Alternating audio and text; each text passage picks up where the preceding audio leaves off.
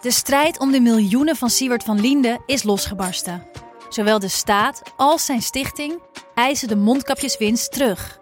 Maar dat die opbrengst in ieder geval niet thuis hoort bij Van Linde, daarover kan toch eigenlijk geen twijfel bestaan. Hoe kon het zo ver komen? Dit is het. We hebben beet. En als Siewert het geld teruggeeft, kunnen wij dit schandaal dan eindelijk loslaten? Je hoort het in de Mondkapjesmiljonairs, exclusief bij Podimo. Ga naar podimo.nl/slash mondkapjes. In de podcast Radio Romano met Noortje Veldhuizen Met Marcel van Roosmalen. En met Roelof de Vries. brengen we alle drie elke week een zogenaamde signalering mee. Wat heb jij nou weer bij je? En aan het eind bepalen we wie de winnaar van de week is. Echt een angstcultuur Lege huls die je er bent? Ja, dat gaat eigenlijk altijd onvriendelijk. Luister nu naar Radio Romano bij Podimo. Via podimo.nl slash Radio Romano luister je 30 dagen gratis. Dat het verwijderd wordt, dat kan ik me voorstellen. Na 45 jaar wel eens- wel eens wat anders. Oude rommel Maar- weg ermee, dat? Nou ja, omdat daar rokende mannen op staan. Dat is het, ja. Dat is het. En, eh, en omdat het alleen maar mannen zijn en geen vrouwen. Ik vind dat is een tijdsbeeld. En dat is een spiegel Ja. die een schilder voorhoudt Ja. van het tijdsbeeld. En als je dat gaat, eh, weg gaat gaan halen, Mhm. dan haal je dus de achtergrond en de historie van in, in, het- in de tijd waarin je leeft, haal je weg. Dit is Betrouwbare Bronnen met Jaap Jansen.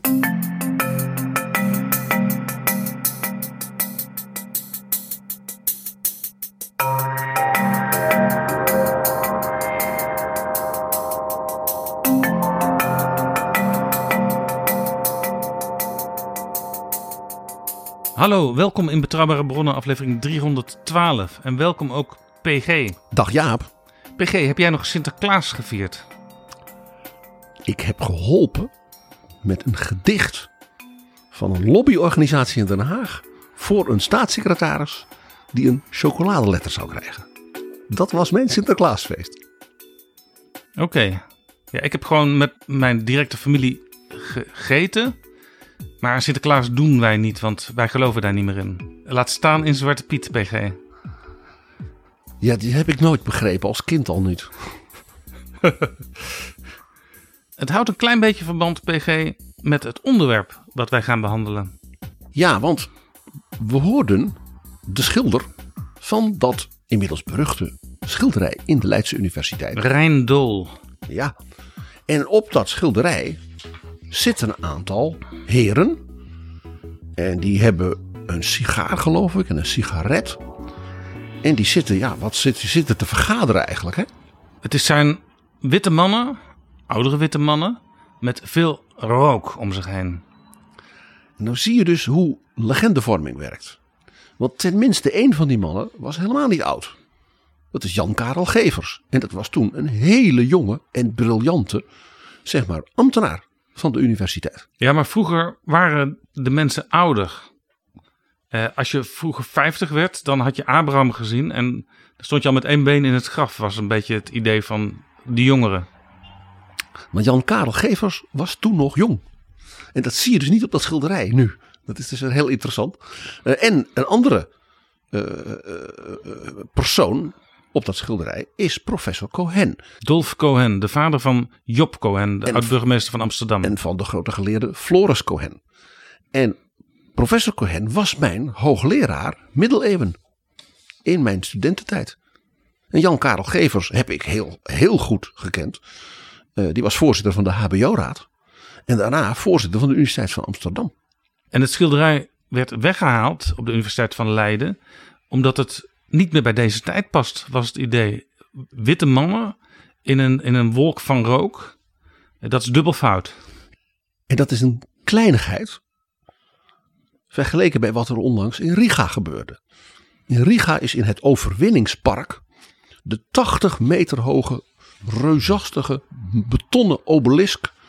Duidelijk gemaakt in de Brezhnev-tijd. Toen was dat soort, dat soort aardbruut was eh, heel kenmerkend voor de Sovjet-Unie. En dat was ter ere van de triomf van het Rode Leger bij het verslaan van Nazi-Duitsland. En de Letse regering en de gemeente Riga hebben gezegd: we gaan dat ding opblazen. Want het was voor ons Letten geen bevrijding. Het was een zegen natuurlijk dat die Hitler verslagen werd. Maar wij gingen als letter natuurlijk van de regen in de drup. Ja. En na de gebeurtenissen nu in Oekraïne willen wij dat, ja, dat die enorme middelvinger in het midden van de stad, die dus herinnert aan die tijd, die willen we niet meer. En die beide dingen, Jaap, dat Leidse schilderij en die obelisk in Riga, die hebben met elkaar te maken, namelijk met het schuren van de geschiedenis in later tijden. Ja, want die obelisk met die Sovjetsterren in Riga, daar voelden mensen zich ook soms persoonlijk door bedreigd. En dat hoorde je ook in Leiden, over dat schilderij. Dus dat roept emoties op.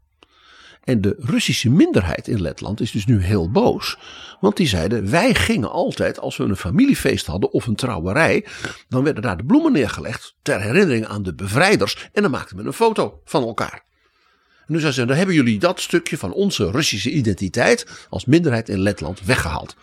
Dus die emotie is er ook een soort verdrietkant bij een ander deel van de bevolking van Letland.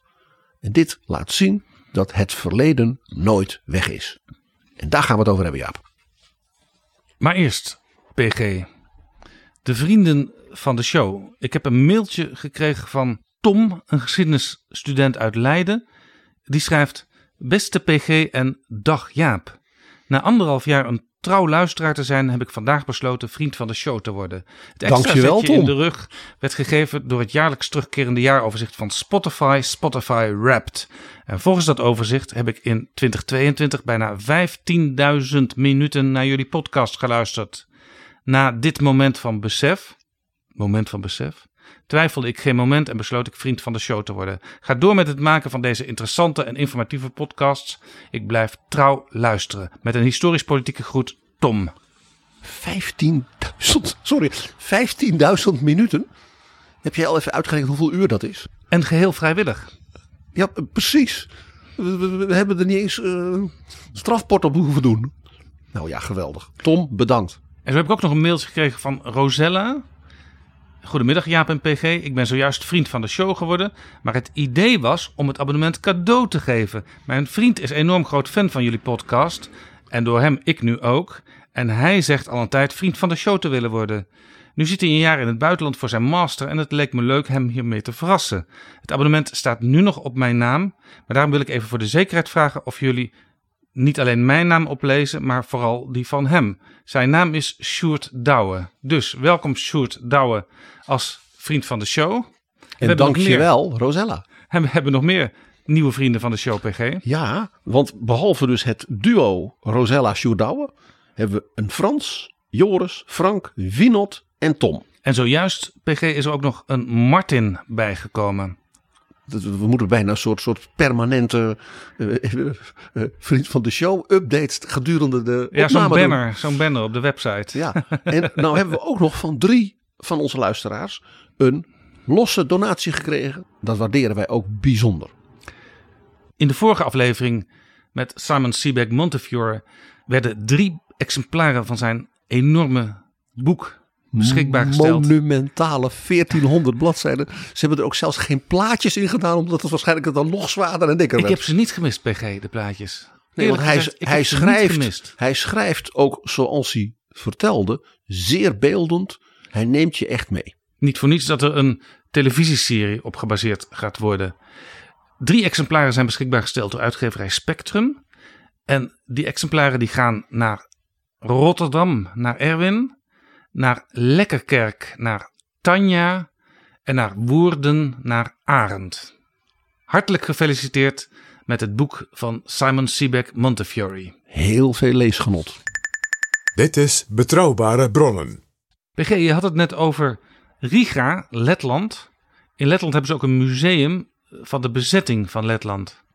Ja, de Baltische landen zijn natuurlijk alle drie twee keer door Stalin natuurlijk ja, verschrikkelijk eh, behandeld. Eerst in, tussen 1940 en 1941, hè, na het Molotov-Ribbentrop-pact. En ja, toen de nazi's werden verjaagd, ook uit de Baltische staten. Dat ja, was- ze zijn dus in meerdere opzichten bezet geweest. Ja, meerdere keren. Eén keer dus door de Sovjet-Unie na Molotov-Ribbentrop. Vervolgens de nazi's. Die in een aantal plekken in de Baltische landen ook als bevrijders toen zijn binnengehaald. Inclusief verschrikkelijke jodenvervolgingen. Dat moet je er altijd bij zeggen. En toen kwam dus Stalin met het Rode Leger. kwam weer terug. En in de jaren dus na die bevrijding, bezetting door de Sovjet-Unie. Ja, zijn ze echt verschrikkelijke vervolgingen geweest. Er zijn dus honderdduizenden uit die toch kleine landjes. Eh, eh, zijn dus naar Siberië gedeporteerd. Er zijn dus heel veel mensen omgekomen. Er is een grote hongersnood geweest in die naoorlogse jaren. Dus dat is zeker voor de oudere mensen in, in dit geval dan in Riga. Daar zijn natuurlijk mensen die er nog heel veel herinneringen aan hebben. Uit hun kindertijd. En ook dus gewoon familieleden ja, gedeporteerd, Ja. vermoord en wat dan niet. En in een land als Letland is dat heel begrijpelijk. Het is ook begrijpelijk dat Russen die daar wonen, eh, waarvan de voorouders eh, misschien niet eens vrijwillig daar naartoe gebracht zijn onder Stalin, eh, eh, ja, die voelen zich daardoor ook weer beschadigd door hoe, hoe anderen naar hun kijken en naar hun geschiedenis. Ja, daar zit heel veel bitterheid. Ook heel veel onverwerkt, zeg maar, ja, gevoel, emotie en leed. Ik sprak zelf een paar jaar geleden met de president, de oud-president van Letland, Vike Vaira Freiberga. En die vertelde eh, daar ook over dat ze zei: Ja, ze zei, ik heb als president. Zij was Letse, dus niet een Russisch van de Russische minderheid. Ze zei, ik heb zelf altijd gezegd: laat de Russische minderheid vooral meedoen. Ga ze dus niet blokkeren. En zei ze: Nou, dat is erg goed gelukt, zei ze lachend. Zei ze, want eh, de nieuwe jonge burgemeester van Riga is van de pro-Poetin-partij. Het was een vrouw, buitengewoon bijzondere vrouw, maar ook heel veel humor. Eh, mevrouw Freiberga was eh, als klein meisje met haar ouders gevlucht voor Stalin in 1940. En is toen met tienduizenden eh, mensen uit de Baltische landen eh, eh, ja, in een soort ja, vluchtelingenkamp, maar min of meer ook opgesloten gezeten. Dat was in Marokko. Dat was dus in Vichy, Frankrijk. En ja, de Franse regering wou die, die letten. Ja, wat moest ze daarmee? En bovendien, Vichy Frankrijk en Adolf Hitler waren op dat moment natuurlijk bondgenoten van Ja. elkaar. En, en, met, en van Stalin. Dus toen heeft de regering van Canada, en met name dus de provincie Quebec, die heeft gezegd: Nou ja, laat ze maar hierheen komen. Dus mevrouw Freiberga ging dus in Marokko naar de lagere school als meisje van 6, 7 in het Frans. En kon dus in Quebec ja, gewoon door en ja, een leven opbouwen. En werd daar zelfs de, de president van de Academie van Wetenschappen van Canada. En toen viel de muur. Nou, ik zal een linkje naar mijn interview met haar wel in de, eh, de show notes van deze eh, editie doen. Want dat is echt een ongelooflijk verhaal van haar leven ook. Dit, zijn, dit is Letland, dit zijn de Baltische Staten. Eh, als, er, als er ergens een tabula rasa plaatsvindt, dan is het nu wel in Oekraïne. Ja, Oekraïne die heeft natuurlijk een vergelijkbare zeg maar, historische situatie. De muur viel. Het werd een onafhankelijke democratische republiek. Met een grote en ook belangrijke Russische minderheid. Eh, zeker hè, in wat dan Do- Donbass heet. En eh, een grote miljoenenstad als Kharkiv en dergelijke. Ja, en natuurlijk een enorme eh, Russische cultuurinvloed. Ik hoef alleen maar eh, de president Zelensky te noemen, wiens eerste taal het Russisch is. Ja, en dat geldt voor veel mensen in Oekraïne. Dat zijn dus, ze zijn niet minder Oekraïner, om het maar zo te zeggen. En zoals ook een Waal niet minder Belgisch omdat hij Frans spreekt. Laat staan een Vlaming minder Belgisch omdat hij Nederlands spreekt. En dus dat, daar, daar kun je het wat mee vergelijken. En, ja, en Oekraïne heeft natuurlijk, natuurlijk een zeer ja, wrede, ja, een, een heftige geschiedenis gehad. Ook, ook met Rusland eh, in vroeger eeuwen. Aan de andere kant, ja, een stad als Odessa, een stad als Gerson op de Krim, Sebastopol, Sibek Montefiore sprak er ook al over. Die zei, ja, dat is het werk van Catharina de Grote en vooral ook van Potjomkin. Dus er zit ook een groot, ja, een soort groot Russische geschiedenis in Oekraïne. Die veroveringen maakten Rusland een superpower. Ja, en de stad Odessa is ook- helemaal ontworpen. Ja, typisch volgens de verlichtingskunst. Het was ook die Franse eh, Comte Richelieu. Hè, die voor dus de Russische tsarina. Nou ja, uh, die, die stad mooi ging maken. He, met in, in een soort 18e eeuws soort uh, pronkontwerp. Een enorme opera natuurlijk op het plein. En, een, en die beroemde trappen uit de film Panzerkruiser Potjonkin. En van die mensen, van Katrina, van Richelieu, staan natuurlijk monumenten daar. Ja, er is een speciaal monument voor de Comte Richelieu als ja, de stichter van de stad, de ontwerper. Een beetje een soort vader des vaderlands wel voor Odessa. Een Fransman die werkte voor de Tsarina.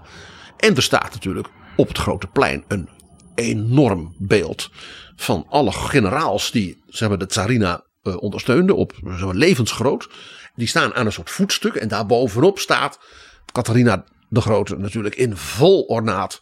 Ja, zo'n 18e eeuwse uh, ja, imperiale figuur. Ja, dat is na haar dood daar neergezet. Ja, en daar is dus discussie over nu. Van ja, moeten we dat niet weghalen? Tegelijkertijd, we hadden het met Siebeck er ook al over. Haar geliefde en generaal en partner, vorst Grigori Potjomkin, ligt in Gerson, die andere grote havenstad door hem gesticht in Oekraïne, in een door de Tsarina gebouwde kapel. Nou, daar ligt hij nu niet meer. Want. Hebben we besproken vorige keer met Simon Sibek Montefiore. Ja, en je hebt dus die merkwaardige situatie, die dus hoort bij wat ik noem dat schuren van de geschiedenis. Dat men aan de ene kant zegt, ja, die beelden van al die Russische generaals en helemaal van die tsarina, die moeten weg. Maar dat lijk van de veroveraar en minnaar van de tsarina, dat moet terug. Dat is van ons. Dus niet, daar wordt niet gezegd good riddance, Potjomkin. Uh, nee, die is van ons. En zo zie je dus dat redenen om het een te doen of het ander juist te doen. Ja, dat kan vrij genuanceerd liggen. En is soms ook niet helemaal te verklaren. En daarom, ja, dat ik eigenlijk bedacht voor het gesprek met jou. Om eens gewoon eens te kijken naar dat, dat soort dingen. En wat zijn nou de dieperliggende motieven dat mensen dit doen. En ook dat we het nu doen. Ja. Want 50 jaar geleden was er dit niet zo'n discussie. Nee, we kennen natuurlijk ook de voorbeelden van de afgelopen jaren uit de Verenigde Staten. Juist. Waar ze natuurlijk een burgeroorlog hebben gevoerd. En waarvan aan de zuidkant ook nog allerlei signalen en symbolen en standbeelden te vinden zijn uit de strijd tegen het noorden. En voor de slavernij. Om het even heel helder te zeggen. Men brak uit de Union na de verkiezing van president Abraham Lincoln, omdat men hem ervan verdacht dat hij als president een eind zou gaan maken aan de slavernij. Dus dat leidde tot die Civil War, waar we met Pirmin Oldeweghuis die drie edities over hebben gedaan. Ook over de periode vooral na de Civil War, de zogenaamde Reconstruction. En in die Reconstruction heeft het zuiden als het ware zichzelf een soort identiteit aangemeten. dat wordt dan wel de lost cause genoemd, de, de verloren zaak. En toen is men dus die, die Confederacy, hè, dat, dat zuiden, steeds meer gaan romantiseren, mythologiseren. Hè, met misschien als bekendste voorbeeld de film Gone with the Wind. Die grote, reusachtige standbeelden, ruiterstandbeelden vaak, van generaal Lee, hè, van Stonewall Jackson. Al die, nou ja, inderdaad, mythische generaals van het zuiden. Die zijn dus niet van na die oorlog. Die zijn van na 1900. Toen dus die legende steeds uh, uh, rijker en romantischer werd. En het als daar een soort identiteit werd tegen hè, de Yankees, tegen het noordelijke kapitalistische deel van de Verenigde Staten. Dus het was ook een soort bedachte identiteit van het zuiden die geprojecteerd werd op die Confederacy. En waarbij dus ook natuurlijk impliciet werd uh, natuurlijk onderstreept dat dus daar waar de Confederacy de Lost Cause voor gestreden had, dat dat natuurlijk moest blijven. Segregation now, segregation forever. Laten we er niet omheen draaien. Elk van die beelden is natuurlijk ook een symbool van dat die nederlaag van het zuiden geen nederlaag is. Nou ja, dat gaat zo ver dat Permin stuurde mij zelfs uh, ter voorbereiding hierop een berichtje uit Montgomery, Alabama. Belangrijke grote stad. En daar hebben ze pas zeer onlangs van de twee grote high schools de naam veranderd. Hoe heten die high schools? De ene heette de Jefferson Davis High School. Jefferson Davis was dus de president van die zuidelijke rebellenstaat, de Confederacy. En de andere de Robert E. Lee High School. Naar de generaal. De grote generaal, de zo vereerde generaal. En ook, dat moet gezegd worden als je de boeken leest over de, de Civil War. Een man die als, als militair uh, een ongekend, uh, uh, ja, knap de verdedigingsoorlog voerde.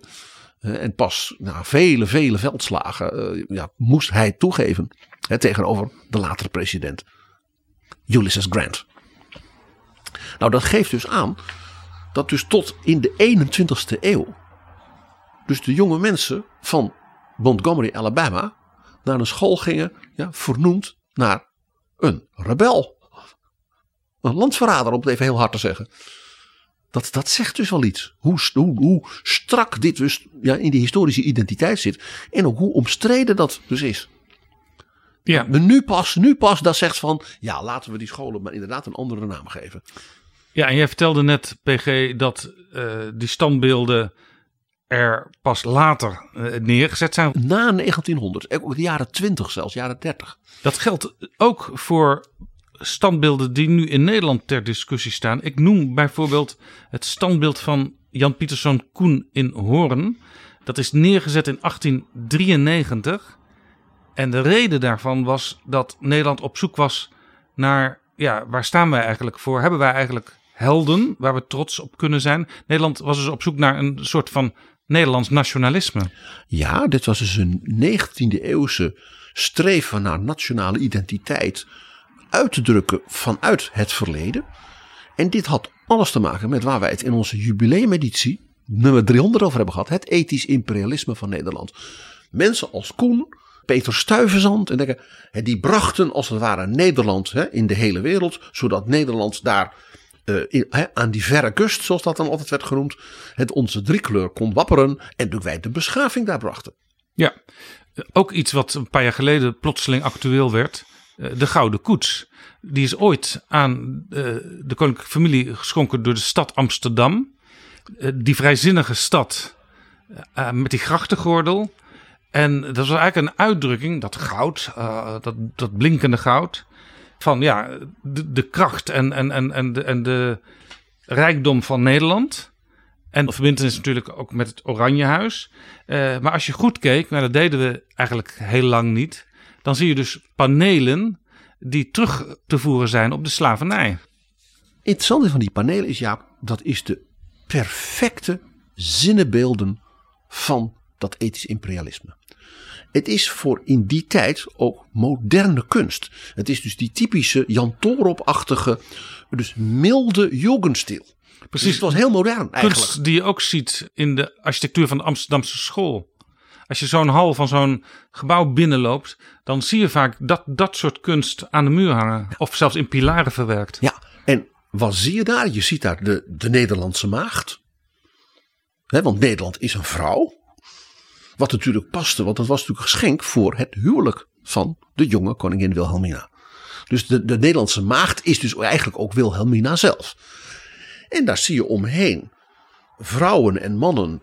Uh, de een is heel duidelijk een leraar, de ander is een arts, er is een handelsfiguur. En daar, daar, daar komen dus mm, ja, zwarte mensen ja. en Indische Bedienden. mensen. En die komen als ware heel bijna kruipend. Uh, uh, ja, hen dus alle dingen brengen. Dus, dus ik zal maar zeggen, de, uh, de delfstoffen, de, de, alles wat dus in Indië en in, in de West ja, economisch gewonnen werd door de koloniale heerser. En dat bracht als het ware als een soort offergaven voor die Nederlandse maagd. Hè, en, en die Nederlandse maagd brengt dus via die Nederlanders aan die mensen dus onderwijs, gezondheidszorg, handel, welvaart. Het perfecte plaatje van wat ik dus dat ethisch imperialisme van Nederland noemt. Inclusief dat vingertje van ons. En ja, dat mensen dan zeggen om in zo'n koets rond te rijden, kan dat nog wel. En dan zie je dus ook de verlegenheid daarmee dat we dan niet zeggen dat was dus toen een hele moderne kunstenaar die dat ontwierp. Waarom zegt de koning niet, geef die goed koetsjes een verfje van de 21ste eeuw? Er is vast wel een hele goede jonge designer in Nederland die zegt ik kan van het Nederland van deze tijd misschien wel in kleuren die koets ja, weer heel eigentijds maken. Maar dat durven we dan weer blijkbaar niet. Dus dan zet je die koets in het Amsterdam Museum achter glas. Nou, dat is nog steeds niet definitief besloten. Hè? Hij heeft een tijdje tentoongesteld gestaan. Willem-Alexander heeft er een soort van abacadabra over uitgesproken. Maar we weten nog steeds niet wat nou de toekomstige rol van eh, die koets is. Onze geschiedenis bevat veel om trots op te zijn. Tegelijkertijd biedt ze ook leerstof om fouten te erkennen en in de toekomst te vermijden. We kunnen het verleden niet herschrijven. We kunnen wel samen proberen ermee in het reinen te komen. Dat geldt ook voor het koloniale verleden. Het heeft geen zin om wat gebeurd is door de bril van onze tijd te veroordelen en te disqualificeren. Simpelweg historische objecten en symbolen verbannen is beslist ook geen oplossing. In plaats daarvan is een gezamenlijke inspanning nodig die dieper gaat en langer duurt. Een inspanning die ons verbindt in plaats van verdeelt.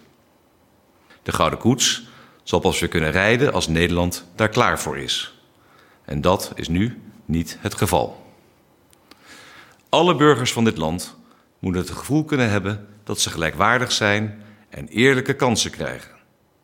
Iedereen moet zich deelgenoot kunnen voelen van wat in ons land is opgebouwd en daar trots op kunnen zijn. Ook de Nederlanders met voorouders die onvrij waren in de Oost of de West. Alleen met mooie wetten, zoals artikel 1 van de Grondwet, zijn we er niet. Zolang er mensen in Nederland leven die dagelijks de pijn van discriminatie voelen, werpt het verleden nog zijn schaduw over onze tijd en is het nog niet voorbij. Naar elkaar luisteren en begrip opbrengen voor elkaar zijn wezenlijke voorwaarden om tot verzoening te komen en pijn in de ziel van mensen weg te nemen. Ik weet dat we daartoe in staat zijn, ook al is het een lange en moeilijke weg. Ik begrijp heel goed de uiteenlopende gevoelens van een ieder. Alleen als we deze weg tot verzoening samen afleggen, kan de Gouden Koets weer rijden op Prinsjesdag. De dag waarop we onze democratie en onze verbondenheid als Nederlanders vieren. Zet hem maar in het museum met dat paneel, want juist over dat paneel gaat het.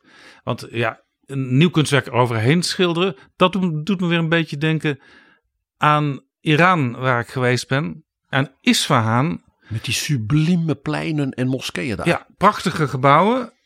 Die kon je allemaal, die kon je allemaal in en op. En uh, heel veel van die gebouwen hadden aan de binnenkant in de hallen witte muren. Maar mij werd verteld, achter dat wit zitten hele mooie schilderijen. Alleen ja, daar staan allemaal mensen op afgebeeld. En dat is niet de bedoeling van het regime wat er nu zit. Dus hebben we het maar helemaal gewit. Ja. Dat is eigenlijk wel de ultieme vorm van, van ontkennen uh, van wat er ooit geweest is. En uh, ook zo een beetje van, dan hoeven we het er ook niet meer over te hebben. En dat, dat is dus een element dat in al deze discussies zit. Uh, we willen het niet meer weten. We willen het niet meer zien. we willen ook de emoties die het oproept, willen we wegstoppen. Heel dat, zit, dat zit dus in dat schilderij in Leiden. Dat zit in de obelisk in Riga. En het zit dus ook in de panelen van de Gouden Koets. Interessant, PG. Vlakbij waar we deze aflevering opnemen, is in Amsterdam de Transvaalbuurt. En daar hangt onder sommige straatnaamborden, hangt onder de naam voorheen puntje puntje. De nieuwe naam is vaak van een strijder van het African National Congress. Dus Mandela en zijn vrienden. En de oude naam is vaak van Paul een Kruger en zijn vrienden. held uit die tijd, uit de Boerenoorlog en daaromheen. En in de jaren zeventig kwam die ineens ter discussie te staan, die Boerenoorlog. Toen is er een verzoek ingediend in 1977 om het Pretoriusplein te vernoemen naar Steve Biko, zo'n zo'n strijder. Dat is ook gebeurd, het Steve Biko-plein. Maar toen zeiden mensen, ja, er zijn nog wel meer straten hier die een moeilijke naam hebben. Er was bijvoorbeeld de Louis Bota-straat. En die heet nu Albert Lutuli-straat. En er staat inderdaad onder voorheen Louis Bota-straat. Maar wat wil nou het geval, die Louis Bota, daar was eigenlijk niet eens zoveel mee aan de hand. Alleen die naam deed nogal denken aan P.W. Bota. De president. De, ja, precies. Van Zuid-Afrika. Van zeg maar de laatste periode van het uh, apartheidsregime. Want dit is zo interessant, Jaap. Die namen, veel van die Zuid-Afrikaanse namen zoals Bota.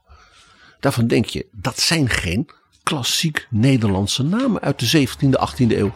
En dat klopt. Dat zijn hugenotenfamilies. Want hele grote groepen hugenoten zijn via Nederland uiteindelijk naar Zuid-Afrika gegaan. Vandaar dus dat Zuid-Afrika ook zo'n beroemde wijnteelt kreeg. Dat waren dus Franse protestanten. Maar niet alle straatnamen zijn veranderd daar, want uh, er gebeurde iets opvallends. Die Transvaalbuurt was vroeger een Joodse buurt. Dus in de Tweede Wereldoorlog uh, kwam daar een hek omheen te staan, kwamen de bordjes te staan. Uh, hier wonen Joden, et cetera. Het was het ghetto van Amsterdam. En uiteindelijk zijn vrijwel alle mensen die daar wonen, alle Joodse mensen, afgevoerd. Vaak via het Muiderpoortstation naar de kampen. En mensen die daar nog herinnering aan hebben, die zeiden: Ja, maar in die straat en in die straat en die straat, daar kende ik mensen en daar hebben wij het vaak over. En ja, als die dan straks een eh, totaal andere naam hebben, dan wordt eigenlijk voor ons een deel van dat verleden wordt uitgewist door de gemeente. Dus Met de beste bedoelingen. Dus toen natuurlijk. hebben ze eigenlijk daar maar bij, bij gelaten bij die paar straten die een nieuwe naam kregen. Is dit niet een prachtig voorbeeld van wat ik noem het schuren van het verleden in het heden en zelfs in de toekomst? Van straks hebben we die herinneringen niet meer en bestaan zelfs die straten niet meer, want die hebben een andere naam. We hebben natuurlijk in Nederland, ik denk bijvoorbeeld aan Den Haag, de archipelbuurt. Je hebt in, hier in Amsterdam, waar wij nu opnemen, de Indische buurt. En ja, dat is ook natuurlijk een, net als dat, dat paneel, is ook vaak rond diezelfde tijd gebouwd als uh, de, de, het huwelijk van uh, Wilhelmina. Ja, als je heel streng bent. Is dat, is dat een, een, een, een, een soort claimen ook eigenlijk van zo'n Nederlandse stad van dat koloniale eigendom. Als je heel streng bent, dan mag zelfs zo'n term als Indische buurt niet meer. Want het gaat dan over Indië, Nederlands-Indië, de kolonie. Ja, de archipelbuurt kan dan nog net, hè, om zo te zeggen. De gordel van Smaragd. Maar de Indische buurt, ja, dat is net als de Transvaalbuurt. Dat je dan denkt, uh. Aan de andere kant zeg je, het is de geschiedenis van deze stad. Rond die tijd werden die huizen gebouwd. En die tijd zat zo in elkaar dat men dat zo noemde. De archipelbuurt in Den Haag is zelfs dubbel Indisch historisch.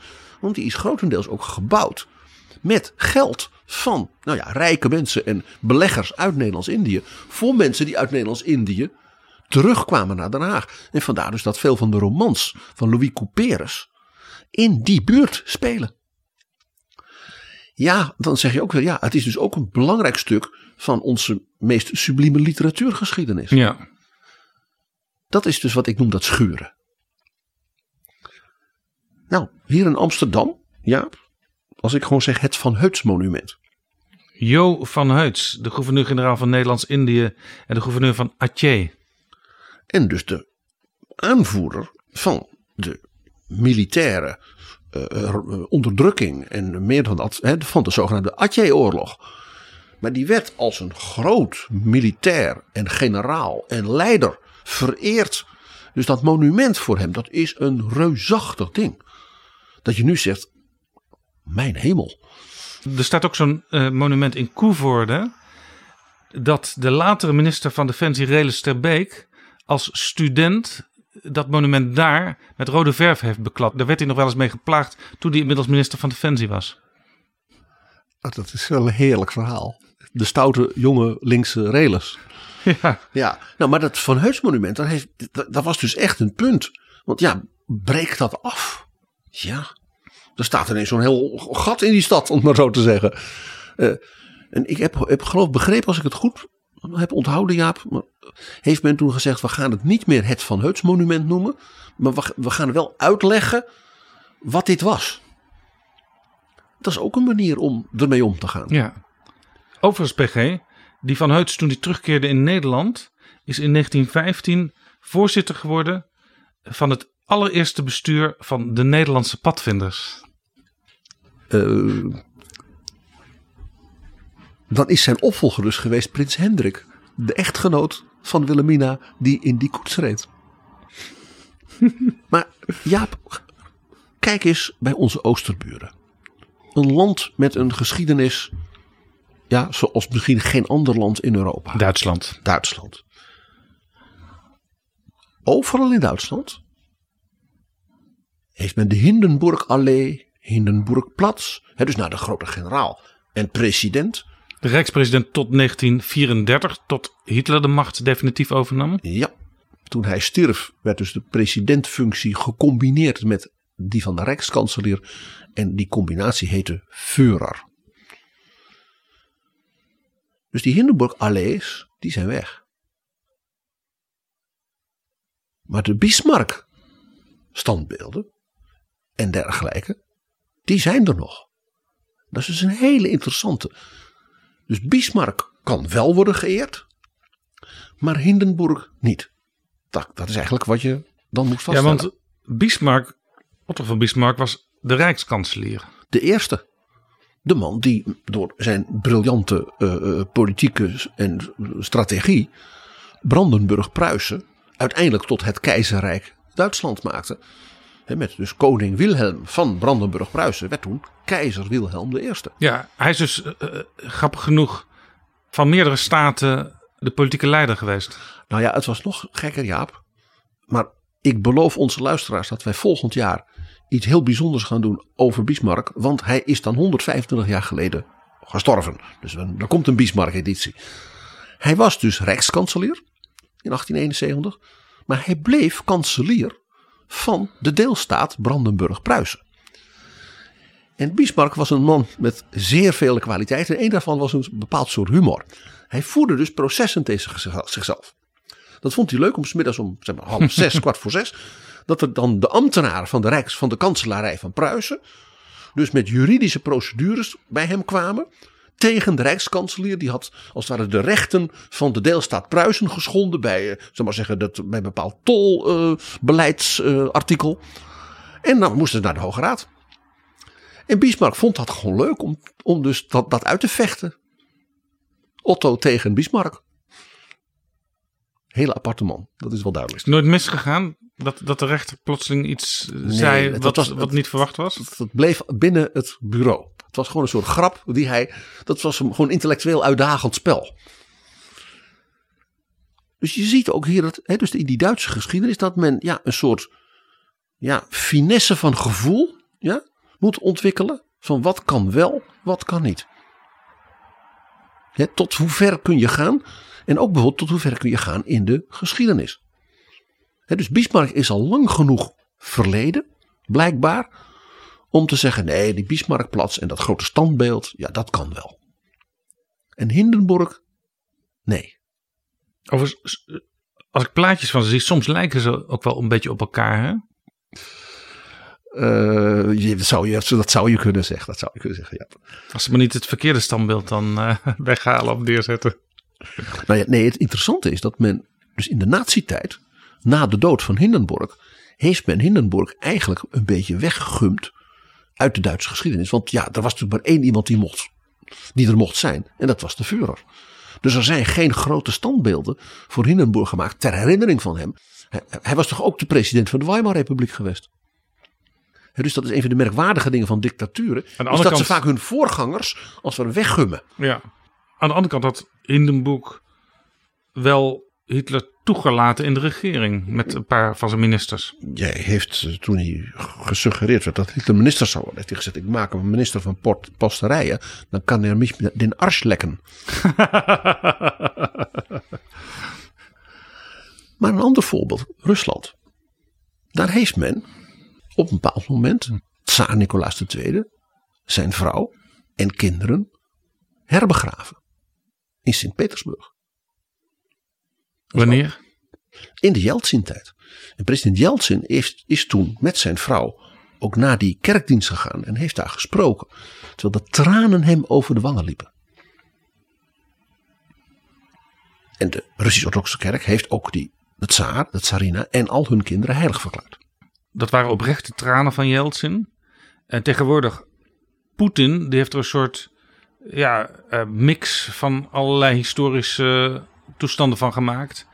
En eh, hem komt het gewoon goed uit om soms wel en soms niet bepaalde eh, helden tussen aanhalingstekens uit het verleden te eren. Ja, dat, dat, dat is wat, wat je in uh, tyrannieke regimes vaker ziet. Is dat sommige mensen een tijd lang heel belangrijk zijn. En dan worden ze ineens verdwijnen ze. Stalin het bekend dat hij dan als er mensen uit het politbureau uh, zeg maar ge, geëlimineerd werden.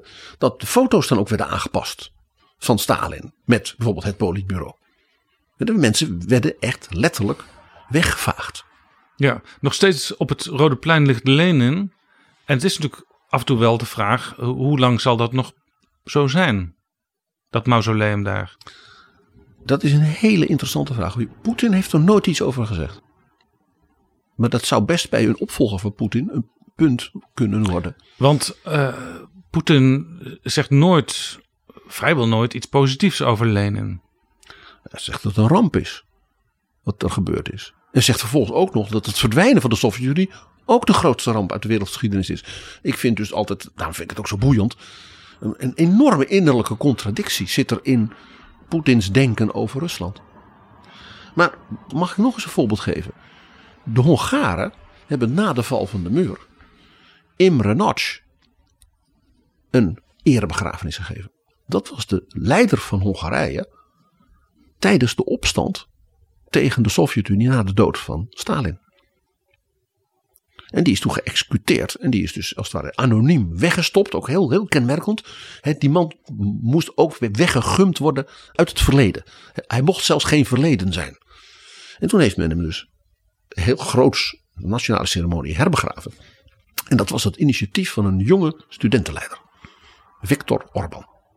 Dus de Viktor Orban die we nu kennen, die was ooit heel anders, zou je kunnen zeggen. Die was heel anders. Die had een groep vrienden om zich heen. Uh, dus rebelse studenten tegen het communistische regime. En waren overtuigde Europese christendemocraten. Vandaar dat die Fidesz-partij ook mee ging doen met het CDA en de CDU hè, in de EVP. Ja, en vandaar dat er nog ook enorm de discussie is geweest, wel een jaar of tien, van uh, wat moeten wij met die partij die inmiddels zo heel erg veranderd is. En uiteindelijk er dus ook is uitgezet. En een van die vrienden werd dominee en heeft ook Viktor Orban zijn huwelijk ingezegend, zijn kinderen gedoopt en heeft dus met hem gebroken. Want hij heeft gezegd van die, die, hij is een kant op gegaan die ik met mijn overtuiging en ook met mijn geloof en vooral ook mijn dromen in die tijd van het communisme, die hij deelde, ja, niet, niet meer in overeenstemming kan brengen. Het is een heel tragische, ja, tragisch verhaal eigenlijk. Ja. Maar ja, wij Nederlanders, Jaap, het Binnenhof wordt verbouwd. En jij weet waar een heleboel mensen stiekem van dromen. Het vinden van de botten van Johan van Oldenbarneveld. Ook zo'n voorbeeld, ja, in ons eigen land, van een stuk verleden dat letterlijk en figuurlijk weggestopt werd. Men heeft zelfs die kapel, waar hij dus in de crypt was gelegd, ja, die op kapel, het Binnenhof, die, die hebben ze die- afgebroken. Ja, precies. In de 19e eeuw, voor kantoren voor de minister van Binnenlandse Zaken. Ja. Waarschijnlijk worden die botten ook niet meer gevonden, hè? want dan hadden, we, dan hadden we het nu moeten weten. Want ze zijn het Binnenhof aan het eh, renoveren. En er is allerlei grondonderzoek gedaan, juist op en bij die plek waar ze mogelijk zouden liggen. Eh, maar er is, voor zover ik weet, want dan was het echt voorpagina nieuws geweest, niks uitgekomen. Wat ik weet is dat ze de trappen in de kelders van dat, nou ja, dat ambtelijke gedeelte. Dat men daar wel als het ware gestuurd is op de trappen die daaronder dan weer zaten. Richting die crypte. Maar dat zal heel, dat gaat echt met de millimeter. Dus het verbaast me helemaal niet dat, het nog, dat er niet nog iets naar buiten is gekomen. Ja. Want zelfs als men niks vindt in die crypt, zal ik maar zeggen. hè, Je moet eerst die crypt vinden en dan die crypt van binnen. Dan zal men wel zeggen, we hebben de crypt gevonden. Helaas, er waren geen lijkkisten meer. Maar alle graven en gravinnen van Holland en ook hun kinderen lagen in die crypt, in die kapel. Nog een voorbeeld van hoe er verschillend gedacht kan worden over mensen. Hoorden we bij Simon Sebag Montefiore. Want eh, hij noemde Johan de Wit de grootste staatsman van zijn tijd. En de broers de Wit zijn natuurlijk op een gruwelijke wijze door het gepeupel om het leven gebracht. Ja, een- enthousiast aangemoedigd door de Oranje Partij. Ja, maar ja, dezelfde Seaback schrijft in zijn boek. We konden niet alles behandelen hè, van dat enorme boek. Dat natuurlijk die Oranje, die ja, dat als het ware aanmoedigde, natuurlijk wel de man is aan wie Engeland zijn unieke constitutie en de democratie en de constitutionele monarchie te danken heeft. Want dat is, dat is die King William, hè, onze prins Willem III, het kind van staat, zoals hij werd genoemd. Dat die werd dus opgevoed door een comité van de gebroeders de Wit. En nam het toen over toen zij vermoord waren.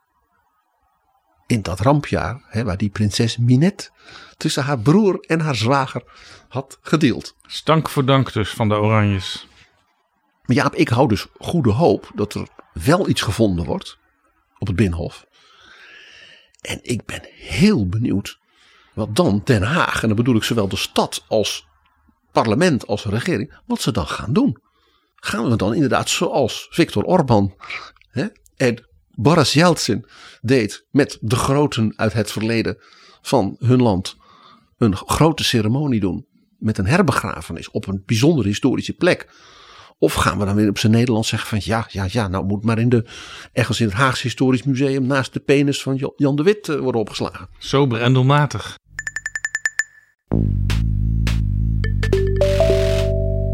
Dit is Betrouwbare Bronnen, een podcast met betrouwbare bronnen.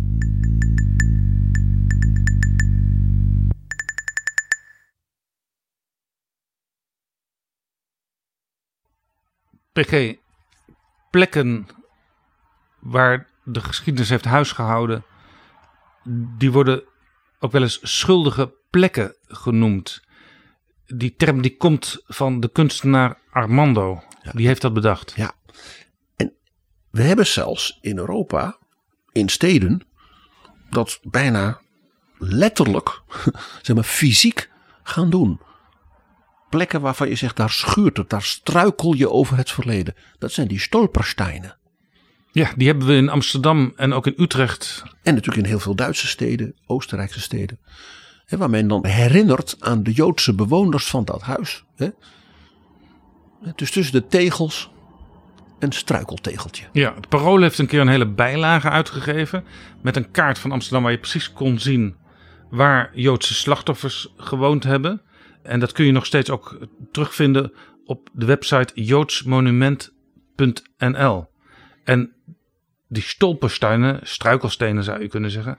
eh, ja, dat begrip dat wordt eigenlijk gewoon ook in Nederland gehandhaafd. Er is ook een stichting stolpersteinen in Amsterdam waar je nog steeds huizen kunt aanmelden om niet te vergeten. En dit is dus heel interessant dat we als Nederlanders het Duitse woord daarvoor overnemen. Dit wordt dus ook als iets heel, zeg maar, iets als een soort Duits cultuurgoed. De omgang hiermee, de vergangenheidsbewältigung.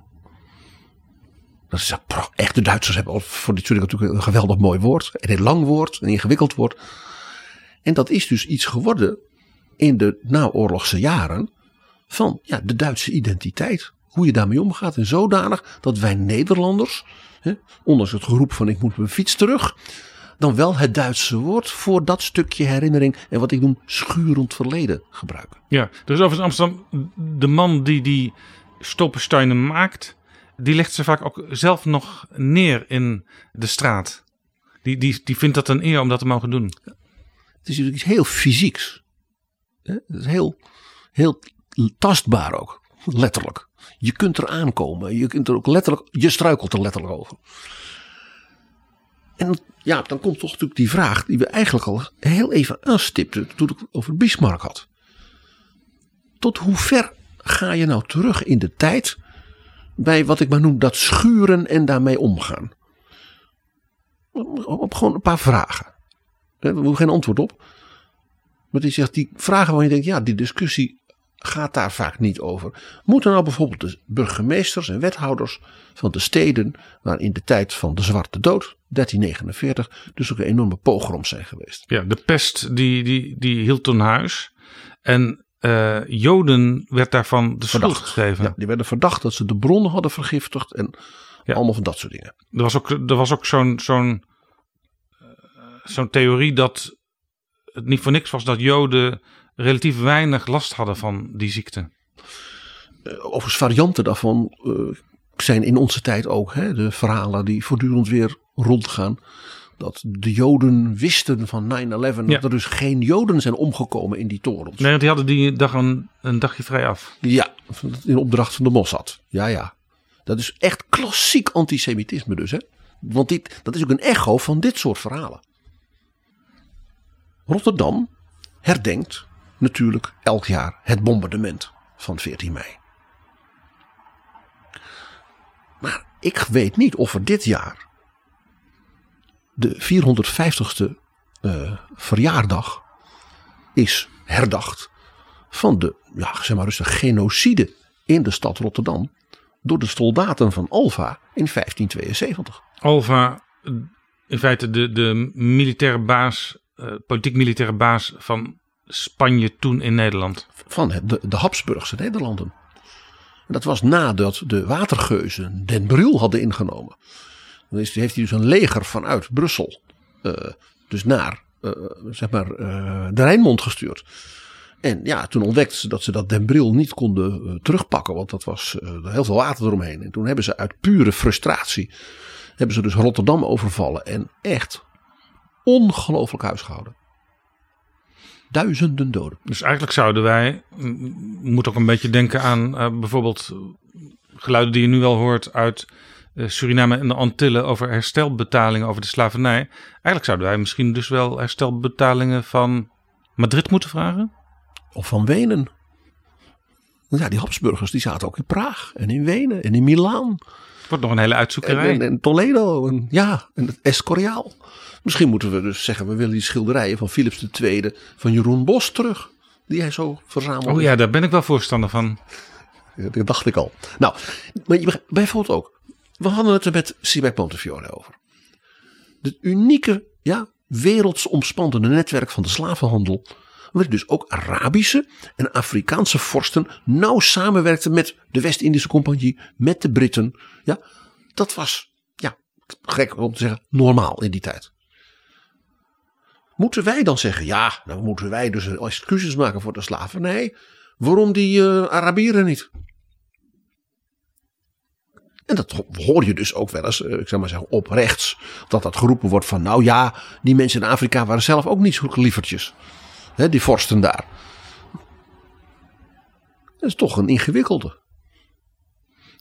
Uiteindelijk als je zo, zo doorpraat en dan kom je in cirkels terecht. En dan kom je er niet meer uit. En dat is waarschijnlijk ook de bedoeling van de mensen die dat opwerpen. Van eh, laten we maar niet te veel omkijken.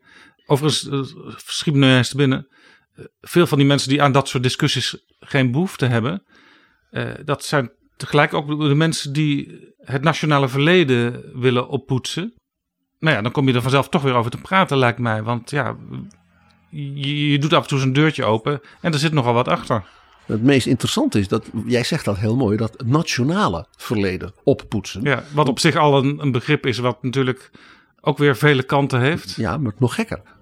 Ja, wat ze dus eigenlijk willen, Is een verleden wat er niet was. is dus de 19e eeuwse, ja, de Jan Pieterszoon Koen standbeelden rage, de, de grote ruiterstandbeelden van Robert E. Lee, ja, vele decennia na de Civil War, dat willen ze. Ze willen die, wat ik noem, monumentalisering van het verleden, vanuit één invalshoek, die wil men terug of die wil men niet kwijt. Nou ja, dit was ook een beetje de discussie rondom de komst van het Nationaal Historisch Museum, waar de Tweede Kamer eh, groot voorstander van was. Maar toen vervolgens erop aankwam van, ja, wat gaan we daar dan precies eh, exposeren? Ja, toen kwam men er niet uit.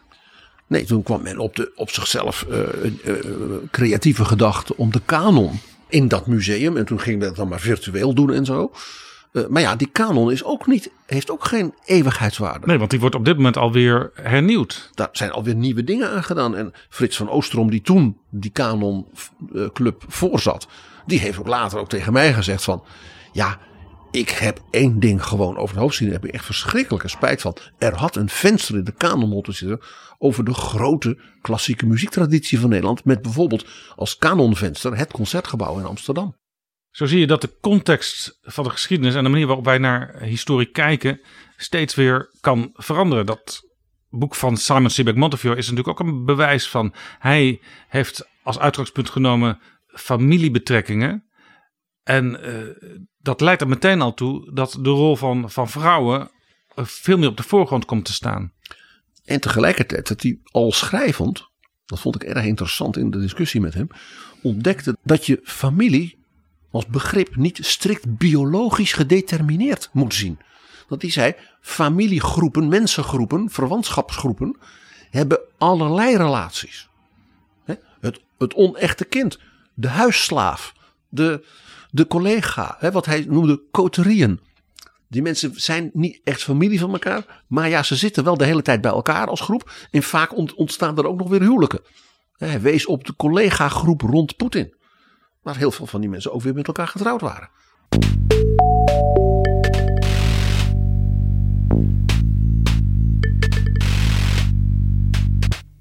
PG, even tussendoor. Ik wil even aandacht vragen voor de Binnenkamer. De Binnenkamer. De podcastserie van Laurens Boven en Harmen van der Veen. Zij praten met politici, dat doen wij ook wel eens. Zeker. Eh, maar zij doen het op een heel persoonlijke manier. Zelfs zo persoonlijk dat ze in principe altijd bij die politicus thuis het interview opnemen. Dat is gevaarlijk. Iedere goede journalist die weet dat als je bij iemand, ook bij een politicus thuis gaat zitten, ze veel mede- mededeelzamer worden dan wanneer op ze op hun kantoren zijn. Maar dat is ook precies de bedoeling, want het gaat ook een beetje om what makes them run. Dat is de centrale vraag. Bijvoorbeeld in aflevering 27, die net uit is, daar zijn ze naar Nijmegen gegaan. Want daar woont GroenLinks-Kamerlid Lisa Westerveld. Ja, maar die ken ik al uit de tijd dat ze voorzitter van de LSVB was. Geweldige meid en een enorme voetbalkampioenisse. Ja, en zij gaat elke dag op en neer naar Den Haag vanuit Nijmegen. Dus zij vindt het zo belangrijk om die eigen grond elke keer weer aan te tikken. Het was ook de hoofdstad van het Romeinse Nederland, Nijmegen. En daar gaat het ook een beetje over. Overigens ook over voetballen, eh, zoals jij al vertelt. En over filosofie, want zij is een filosofe. En ze vertelt misschien wel een beetje iets te veel over Jesse Klaver, want die voetbalt ook wel eens mee in het GroenLinks elftal. En ja, die heeft als kenmerk, als hij de bal eenmaal heeft, die de bal niet meer snel afgeeft. Hij wil zelf allemaal pirouetjes draaien met die bal en het liefst zelf ook scoren. Maar eh, dat soort gesprekken zijn het dus. En de makers vertellen zelf ook dingen over zichzelf. Bijvoorbeeld eh, Harmen van der Veen, die komt uit een gereformeerd gezin. Nou, eigenlijk net als Lisa Westerveld, dus daar hebben ze het dan ook over. Eh Laurens zat in zijn jonge jaren bij de jonge socialisten in de Partij van de Arbeid. Ze hebben Dat recent... moet, dat moet toch mogen, Jaap? ja. Ze hebben recent Jan Paternotte uh, als gast gehad. Pieter Herma is net geweest. Uh, Sylvana Simons ook een heel interessant en, gesprek. En ze hebben ook een Europese insteek, toch? Ja, af en toe dan gaan ze naar Brussel. Dan heet het ook de Binnenkamer Goes Brussel. En daar doen ze eigenlijk hetzelfde. Dus daar praten ze met Europarlementariërs of andere mensen die in Europa iets belangrijks doen. Wat kunnen nou de luisteraars van onze podcast doen om ook aan te haken? Ja, zij zitten achter het slotje van Podimo. Podimo is sinds kort uh, ja, zeg maar de Netflix van podcasts. En ja, daar moet je natuurlijk een abonnement op Podimo voor hebben. Nou, dat kun je krijgen drie maanden gratis als je naar podimo.nl slash binnenkamer gaat. Dan kun je luisteren naar al die mooie afleveringen. 27 zijn het er al van de binnenkamer. Dus podimo.nl slash binnenkamer. Leuk. Heel leuk vind ik dat.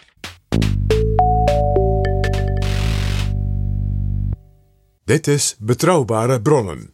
En we praten over ons schurend verleden. Misschien, PG, is het nu tijd om eens te kijken of we een handvat kunnen bedenken hoe we er nu mee om zouden kunnen gaan. Nou, er zijn eigenlijk drie motieven die je ziet door al deze nou ja, schurende verledens heen, waarom mensen, met name ook in deze tijd, zeggen: ja, we moeten dingen in de geschiedenis of schrappen, of daar willen we het niet meer over hebben, of dat willen we niet meer zien, of dat willen we anders zien. Help jij ons een beetje, PG, met wat je nu gaat vertellen over hoe we dit ja, toch grote probleem moeten hanteren? Ja, vooral, wat ik vooral probeer is die discussies, of als dat zoiets opkomt, zo'n leidsschilderij of zo'n obelisk van 80 meter beton in Riga, om als het ware ze te, ja, te ordenen. Dat je zegt, oh, dit is een discussie die zit bij motief A. En dit is een discussie die zit meer in motief C.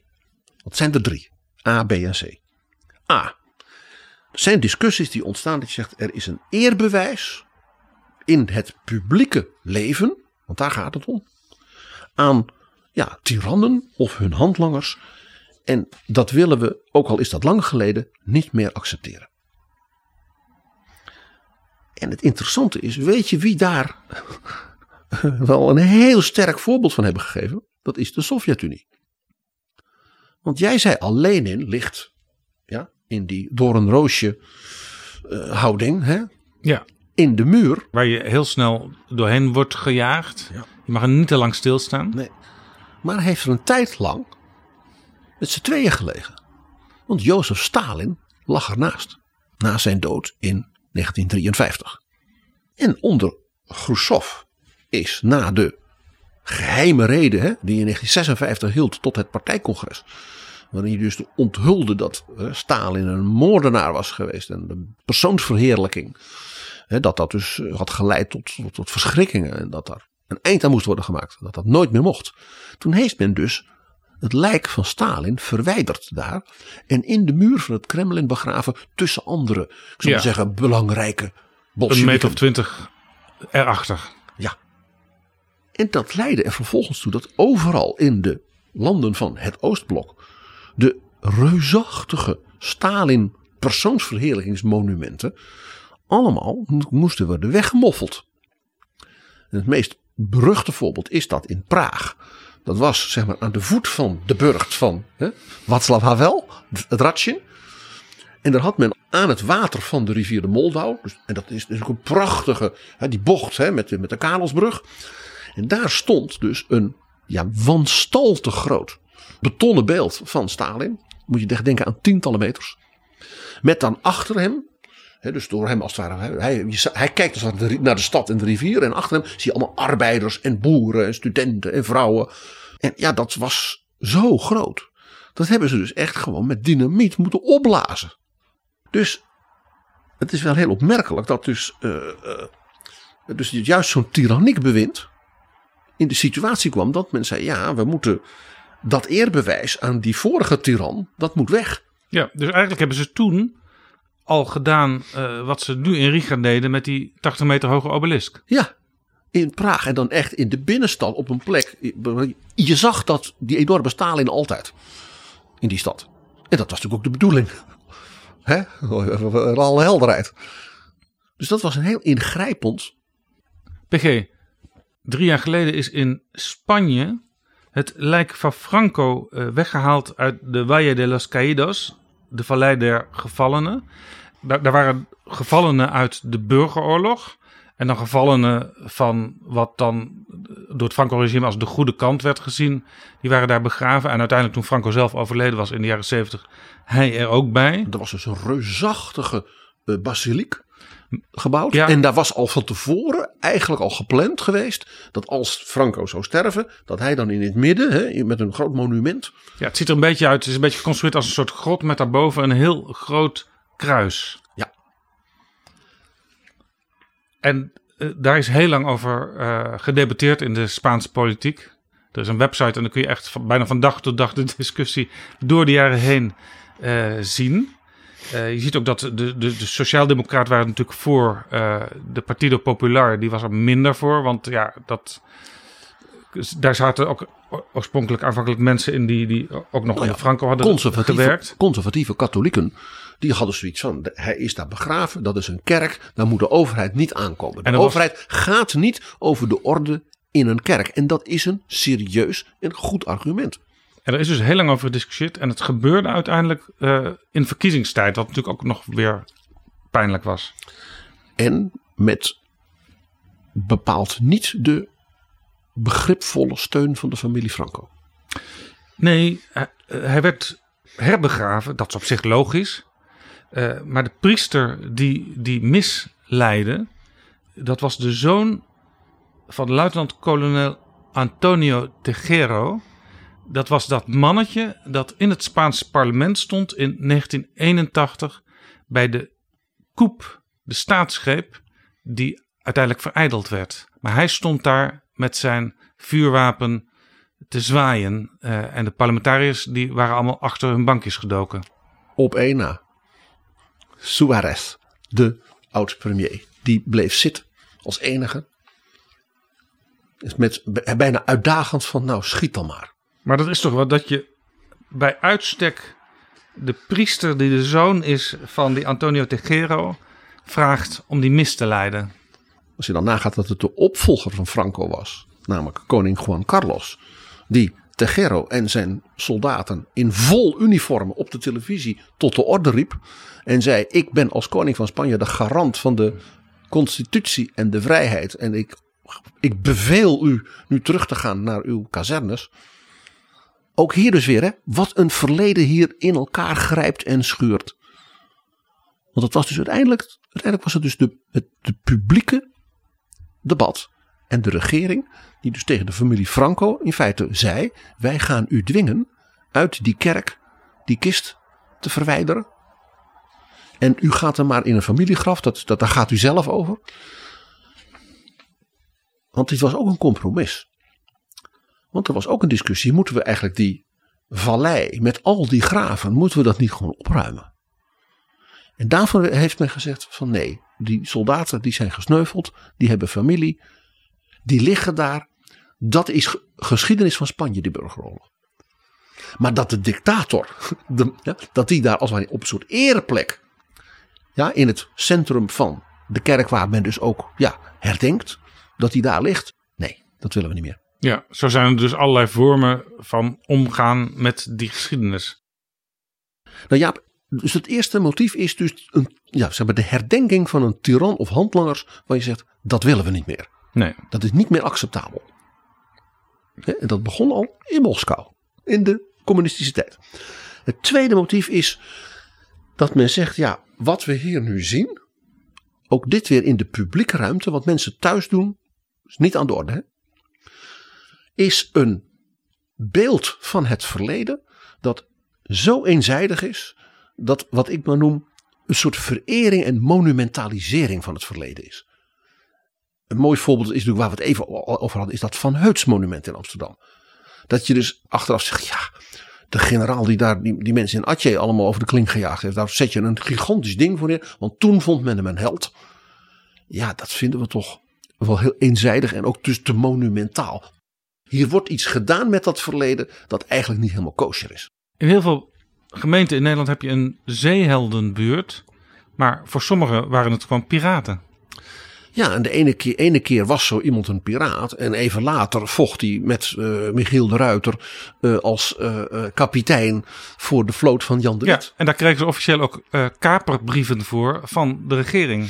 Ze, ze kregen toestemming om piraterij uit te voeren in feite. Koningin Elisabeth I van Engeland was een van de grote investeerders in dus die Britse piraten die dan de zilvervloot en dat soort dingen van haar opponent koning Philips II van Spanje overvielen. En daar had zij dus ook financieel risico. Dus soms was ze heel boos. Want dan, kwam, kwam, dan was ze geld kwijt. En soms dan werd zo'n kapitein door haar zeer minzaam ontvangen. Want dan had, hij, uh, had ze een enorme winst gemaakt. Dat is ook dat verleden dat wij ons, ons nu niet meer zo kunnen indenken. Nou, heel mooi voorbeeld natuurlijk. Het, het overal in het zuiden van de Verenigde Staten, ook op de officiële gebouwen, wapperen van de Stars and Bars. Ja, af en toe zie je nog iemand uh, met zijn auto met zo'n vlag aan. En daar wordt dan ook al ophef over gemaakt. Dat is dan iets meer wat jij noemde de privésfeer. Ja, maar je ziet bijvoorbeeld bij de grote Trump-rallies dat men heel vaak van die Trump-vlaggen en de Stars and Bars heeft. De Stars and Bars was dus de vlag van de Confederacy. En ja, dat je dus op het Capitool van de hoofdstad van, ik noem eens wat, Alabama of South Carolina, de vlag van de Verenigde Staten hebt. En de Stars and Bars. Daarvan zegt men dus nu, ja, dat kan niet meer. En het was dus gouverneur Nikki Haley van South Carolina. Die toen besloot, uh, met, zeer controversieel werd dat gevonden, om die vlag te strijken en niet meer te laten wapperen. Ja, Nikki Haley, een conservatieve politica. Een republikeinse uh, kandidaat wellicht voor het presidentschap. Nou, wat ook een bekend voorbeeld is, dat je zegt van ja, ik wil dus die culturele dominantie van dat ene beeld op het verleden niet meer. Dat is de, bijvoorbeeld dat na de onafhankelijkheid van Indonesië, Batavia de naam Jakarta kreeg. We hebben nu trouwens wel Batavia stad in de Flevopolder waar je goedkoop kleding kunt halen. Want dat is onderdeel dus van die merkwaardige Nederlandse gebrek aan sensitiviteit. En wat ik dan wel hè, dat ethisch imperialisme noem. Eigenlijk vinden we het stiekem nog wel mooi.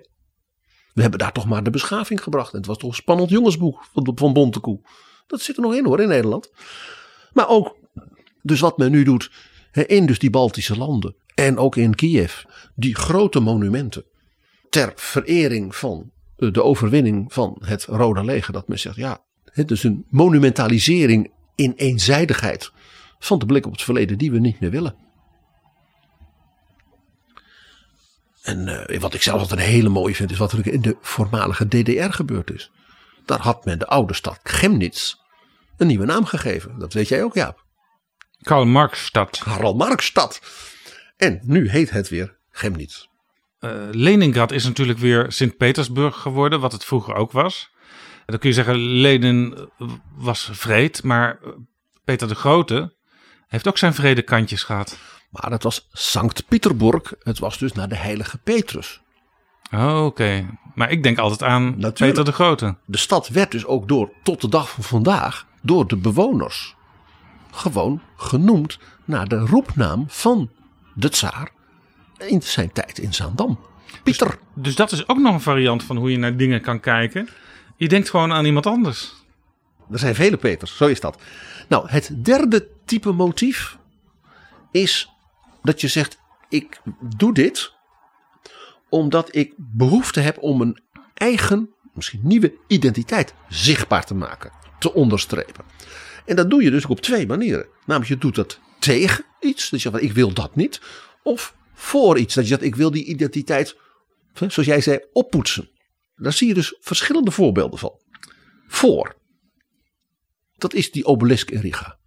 Als Letten hebben wij onze eigen blik op die bevrijding en de verschrikkingen daaromheen. Wij zijn eigenlijk pas bevrijd in 1991 van de dictaturen. Stalin, Hitler, Stalin. Ja, en toen Letland, mevrouw Freiberga. En om die reden, we willen die interpretatie van onze identiteit, van bevrijd zijn, die willen we niet meer. Dus je doet dat om, je, om die, ja, het eigen gevoel van bevrijding, als het ware, zichtbaar te maken. Een heel mooi voorbeeld is natuurlijk wat in Berlijn gebeurd is. Het Humboldt Forum. Men heeft gezegd, wij willen het democratische Duitsland daar op die plek zichtbaar hebben. De plek waar het Palast de Republiek van de DDR stond. En dat heette het Marx-Engelsplatz. Er is een enorme discussie geweest over wat gaan we daar nou doen op die, dat, dat lege ding. Want dat was voor de parades van het regime. Ja. Nou, toen heeft men na heel veel, een enorme campagne gevoerd. Men heeft geld ingezameld. Heeft men gezegd, we gaan het paleis van de koningen van Brandenburg uit de 18e eeuw, dat gaan we herbouwen. Maar dan wel met een modern achtergedeelte. En we gaan ook die koepel weer terugbouwen. En dat noemen we het Humboldt Forum. Naar de gebroeders Wilhelm en Alexander. Dus dit is het Duitsland van de verlichting, het Duitsland van de wetenschap, het Duitsland van ja, het goede willen voor de mensheid. Ja, nou, prachtig. Uh, overigens, dan, dan heb je dus op zich wel weer uh, dat, dat van de gruwelen van de DDR zou je kunnen zeggen. Uh, weinig overblijft. Ook daar zou je toch iets van, van moeten bewaren. zoals ik ook altijd raar vind dat bij de vorige renovatie van het Binnenhof, toen, toen de nieuwe zaal kwam en zo, die oude zaal eigenlijk helemaal met de grond gelijk gemaakt is. Ja, dat is een receptieding. Ik had gezegd, hou die zaal zoals die is en leid daar mensen rond. Want iedereen heeft daar zijn herinneringen aan. Jongeren vinden het interessant om te zien waar vroeger de Tweede Kamer vergaderde. Want die beelden zien ze ook nog af en toe op televisie. Ja. Nee, men heeft dus in Berlijn, dat was dus ook een hele heftige discussie uh, ook inderdaad gezegd van ja, zijn we nou de DDR niet helemaal aan het wegpoetsen uit de zeg maar, visuele herinnering? Bijvoorbeeld ook, eigenlijk is de Berlijnse muur bijna overal weg. Men heeft gelukkig twee grote ook historisch terechte delen gehandhaafd. En één daarvan, dat is nu als het ware het monument geworden. Met ook een museum erbij, gewijd aan de muur. Maar verder heeft men later besloten om dus in de grond een soort gele band van dit was de Berlijnse muur. Men heeft overigens dat Marx Engelsplatz niet echt helemaal weggegumd. wat ze hebben gedaan, is ze hebben de twee beelden van Karl Marx en Friedrich Engels, die Ja. daar waren Oh. neergezet. Heel mooi beeld. En dat is een heel knap eh, ontwerp. Je ziet Friedrich Engels staan en Karl Marx zit. En eromheen zijn er een soort krantenfoto's bijna, als er in, glas, van. En dat was natuurlijk door de DDR, dus dat was de bevrijding in Angola, de oorlog in Vietnam. Maar vooral dus laten zien dat dus de gedachten van Marx en Engels in de hele wereld bevrijdende werking hadden. Dat was, de gedachte, dat was de gedachte. Wat heeft men nou gedaan? Er waren dus heel veel mensen die zeiden: dit is eigenlijk een. Ja, het sprak heel veel mensen aan. Niet alleen maar mensen uit de DDR. Men had daar dus een beetje een warm gevoel bij. Hoe dat gedaan was. Dus men heeft die beelden aan de zijkant van wat ooit dat Marx-Engels plaats was. En dat heet geloof ik nu het Marx-Engels Forum. En dat is als het ware, daar zijn zitjes bij. Aan de, zeg maar, aan de achterkant van dat herbouwde paleis. Nu vernoemd naar de gebroeders van Humboldt. Ja, zo kun je ook, ehm, wat wel gebeurd is, eh, een, een, een park inrichten met een enorme hoeveelheid van die beelden die elders zijn weggehaald. Maar dan wordt het ook bijna een soort ironische toestand. Ja, dat is, dat is dat inderdaad. Dat is onder andere in de Baltische landen eh, heeft men dat gedaan. Maar dat is ook een beetje de cultuur van de Baltische landen, die wat ironische blik, eh, eh, hè, nou ja, lachen door de tranen heen, zoals dat heet. Ja, er is ook een, er is ook een eh, Sovjet Lifestyle Museum in Kazan in Tatarstan. En trouwens ook eentje in Sint-Petersburg. En als je daar binnenloopt, dat is, moet je gewoon een aantal trapjes op. En dan kom je in een paar grote zalen. En daar zijn allemaal vitrinetjes en zo. En daar, ja, daar liggen gewoon eh, de onderscheidingen, de affiches, de boeken. Nou ja, van alles en nog wat. En sommige mensen die krijgen daar een heel warm gevoel bij als ze daar binnenlopen. Dat schijnt ook bij die nostalgie-achtige musea in zeg maar, de vroegere DDR wel een beetje het geval te zijn. Het teruggeven van oude namen. Jij zei het al? Sankt Petersburg. Maar ook het feit dat men dus echt in Oekraïne, nee, het is Kharkiv en het is Kiev. Dat Kiev en Kharkov was de Russische schrijfwijze. Ja, je ziet ook dat sommige kranten dat inmiddels hebben overgenomen, andere nog niet. Eh, maar we zijn natuurlijk allemaal opgevoed toch vanuit de Sovjetsfeer aanvankelijk. eh, en later natuurlijk Rusland. En dan was het altijd Kharkov en eh, Kiev. En je gaat het net iets anders uitspreken. Kharkiv, Kiev. Ja, dat lijken kleine dingen. Maar ik zeg dat is dus eigenlijk dat derde motief.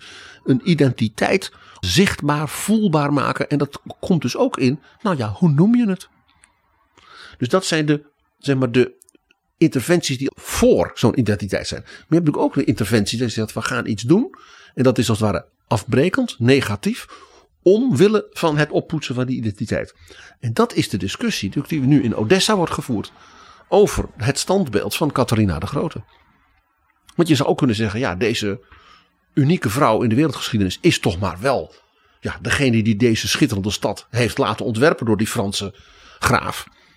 Waarom zouden wij Catharina daar niet laten staan? Dat ze aan de andere kant zeggen, ja, het is haar bewind geweest met die generaals die allemaal aan haar voet staan. Hè? Uh, en met Potjomkin, die hebben de Oekraïne toen veroverd voor de Tsarina. En hè, Novorossia genoemd, Nieuw-Rusland. Ja, dat is, de, dat is de andere kant.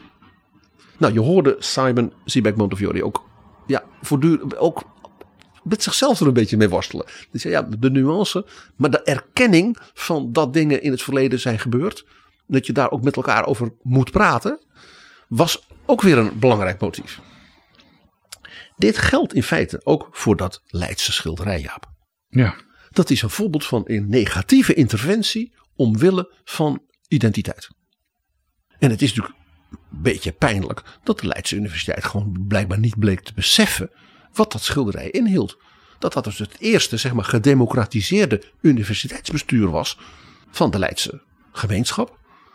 En dat daar een, uh, een groot en belangrijk geleerde als professor Cohen, die ook nog ja, de Shoah had overleefd als kind.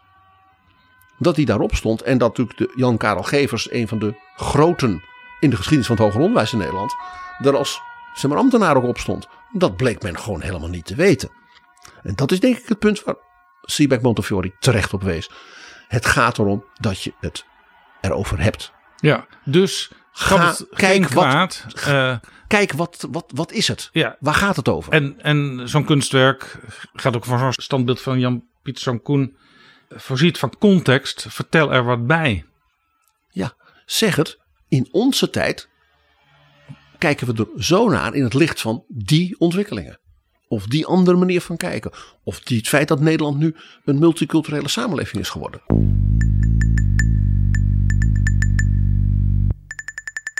PG, je hebt acht jaar geleden met een Duitse historica gesproken over hoe je hiernaar moet kijken. Naar dit soort vraagstukken. Ja, ik had het grote voorrecht mevrouw professor Aleida Asman te spreken. Die kreeg van de Academie van Wetenschappen de Heinekenprijs voor geschiedenis.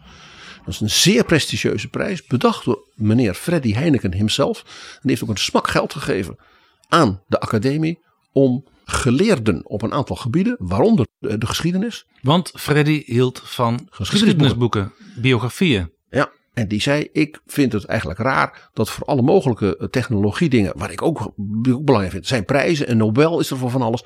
Maar een historicus valt altijd overal tussen. Die krijgt niet een letterkundeprijs, maar krijgt ook niet een beta of andere wetenschappen of een medische wetenschappenprijs. En hij zegt: Ik hou van die boeken, dus die zei tegen de academie: U krijgt dat geld, maar bij die prijzen die u gaat uitrekenen, moet er altijd één voor geschiedenis bij zitten. Een van de winnaars met wie ik ook een gesprek heb gehad, hebben we natuurlijk alles behandeld, ook in onze podcast. Dat was Jeffrey Parker, de biograaf van Philips II en Karel V. Nou, Aleida Asman, haar specialisme was dus het thema vergangenheidsbewältigung. Dus hoe de Duitsers ja, moesten leren met elkaar en ook met hun buren om te gaan met het verleden. En omdat daar dus ook een bijzondere band natuurlijk met Nederland in was, heeft, heeft dus de academie gezegd: wij gaan deze Duitse mevrouw over dit Duitse onderwerp juist vanwege de Nederlandse geschiedenis eren. En in dat gesprek, toen zei ze onder andere van: kijk, het woord bewältigung, dat geeft al aan wat je met die geschiedenis doet. Ze zei: daar schuilt het werkwoord walten in. Een heel zwaar oud Duits woord. Het woord verwaltung is het Duitse woord voor overheid. Ja. Walten betekent dus sturen met autoriteit. En zelfs het toepassen, waar nodig, van machtsmiddelen. Gewalt komt ook uit walten. En in Duitsland is er zelfs een, een, een, een uitdrukking voor een beetje sturen en een beetje manipuleren, ook in de politiek. En dat heet schalten und walten schakelen en walten. Maar Vergangenheitsbewältigung, dat gaat er dus over dat toch eigenlijk ook vanuit de overheid meegestuurd wordt over hoe je naar die geschiedenis kijkt. Dat je dus met elkaar als samenleving. Vroegere overheden natuurlijk verantwoordelijk waren voor dingen die gruwelijk misgingen. Ja, dus bewältigung betekent ook dat je stuurt. Bewust ook gemaatschappelijk, met elkaar samen. Hè, dus met ook zo'n overheid. Stuurt over hoe confronteren wij ons en elkaar met dat verleden? He, vandaar dat ik zei, het is een heel, heel zwaar woord. En toen vertelde zij dat ze een collega had, Bernd Faulenbach, die dus in de discussies daarover een keer ja, met een formule kwam, waarvan ze zei, die is zo briljant. Die dat wij die, Bernd Faulenbach. Die gebruiken wij sindsdien, sinds Bernd allemaal. En dat was toen de, de muur was gevallen en er dus mensen waren die zeiden, ja, in Oost-Duitsland zijn ook mensen door de dictatuur uh, ja, verschrikkelijk behandeld. He, die afschuwelijke stasi en de martelingen en het afschuwelijk bewind. Dus die Joden moeten niet zo uh, zeuren, hè, want dat kwam dan natuurlijk. Wij Duitsers hebben toch ook heel veel leed gehad. Ja, en toen kwam ook de discussie over de bombardementen. Ja, ach, ach, ach. Hebben we allemaal, hè, heel veel mensen hebben, zijn ook heel veel familie kwijtgeraakt bij het bombardement op Hamburg. Wat ook zo is. Dus er ontstond een hele giftige discussie in Duitsland over ja, of eigenlijk de Stasi-wandaden niet als het ware een soort compensatie vormden in het debat voor de nazi-wandaden. Je begrijpt dat bepaalde groepen in Duitsland dat soort discussie ook wel aanmoedigden. Terwijl je het ook als verlengstuk van elkaar kunt zien. Maar zij zegt het lastige is, de DDR was natuurlijk een door en door dictateur. Ja maar een ander soort dictatuur dan Nazi-Duitsland. Ze waren alle twee verdorven en verschrikkelijk voor de mensen. Maar je kunt niet zeggen, ja, die was dat en dat was een beetje meer en dat was een beetje minder. Nou, Bernd Faulenbach die zei, als we erkennen dat en Nazi-Duitsland en de DDR een echte dictatuur was, dan mogen dus de wandaden van het DDR-bewind en de Stasi de holocaust, de jodenvervolging, niet relativeren. Maar de herinnering aan de nazi-tijd moet niet worden gebruikt om dus de verschrikkingen in de DDR te trivialiseren. dus het feit dat je zegt Auschwitz betekent niet dat wat de Stasi deed, ja, dat is toch allemaal iets minder erg. En wat de Stasi deed, betekent niet dat je zegt van nou, was toch ook heel erg hoor. Auschwitz, ja, ja, is ook erg. Dus niet relativeren en niet trivialiseren. En dat is precies wat wij natuurlijk nu in Nederland eigenlijk merken bij de discussie over de slavernij. daar zit een ding in van ja, het is zo lang geleden en uh, wij kunnen daar toch nu niks aan doen. dus een beetje van vergeten weglaten. En dat is wat. Moet ik dan gaan betalen, roepen mensen wel, voor iets waar ik zelf helemaal niks mee te maken heb gehad?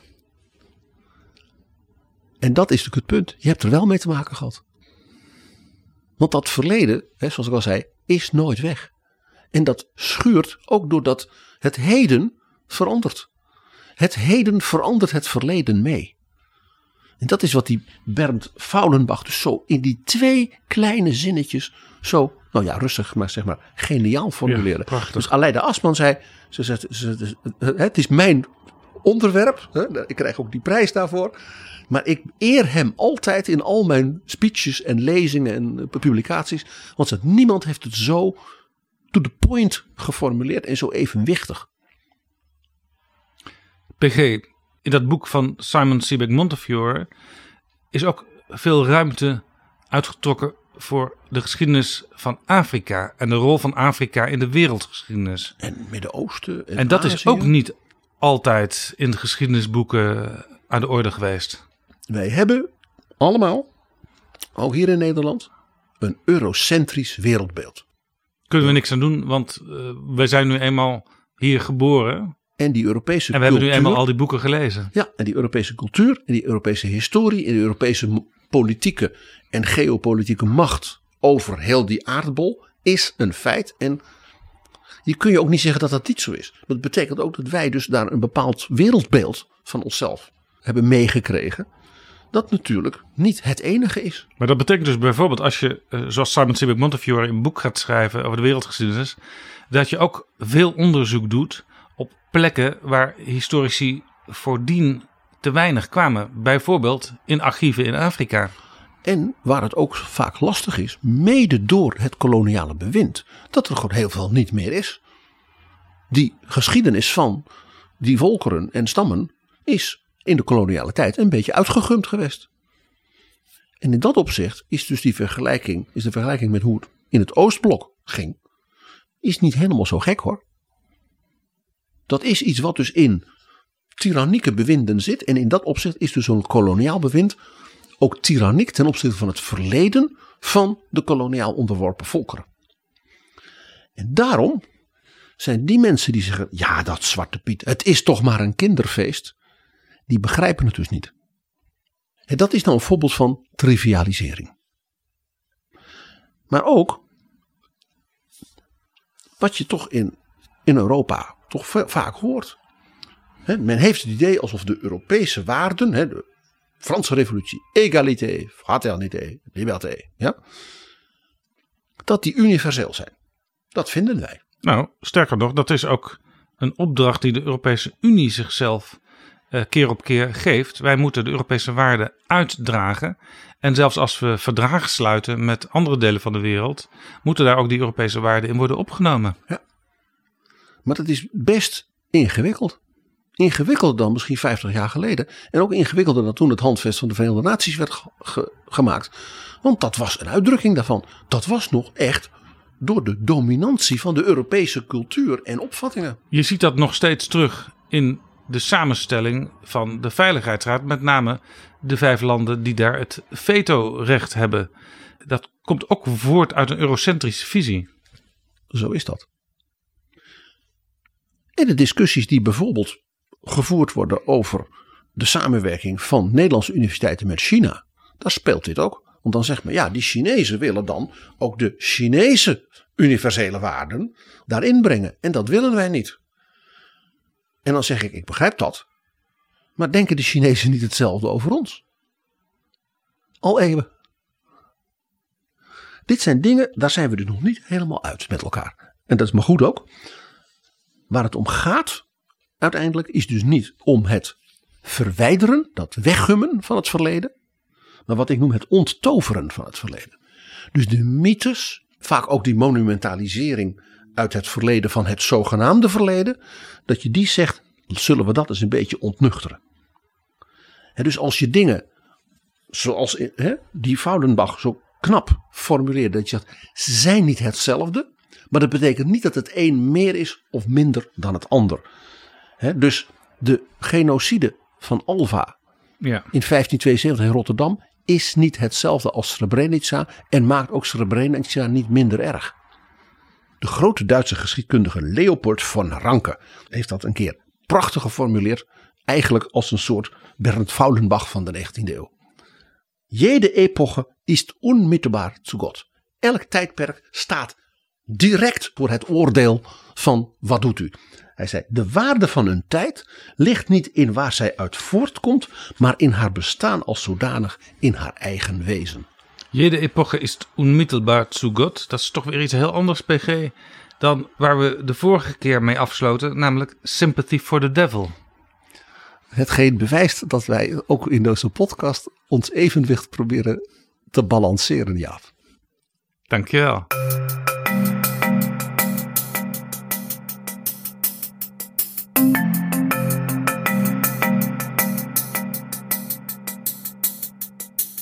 Zo, dit was Betrouwbare Bronnen aflevering 312. Deze aflevering is mede mogelijk gemaakt door de vrienden van de show.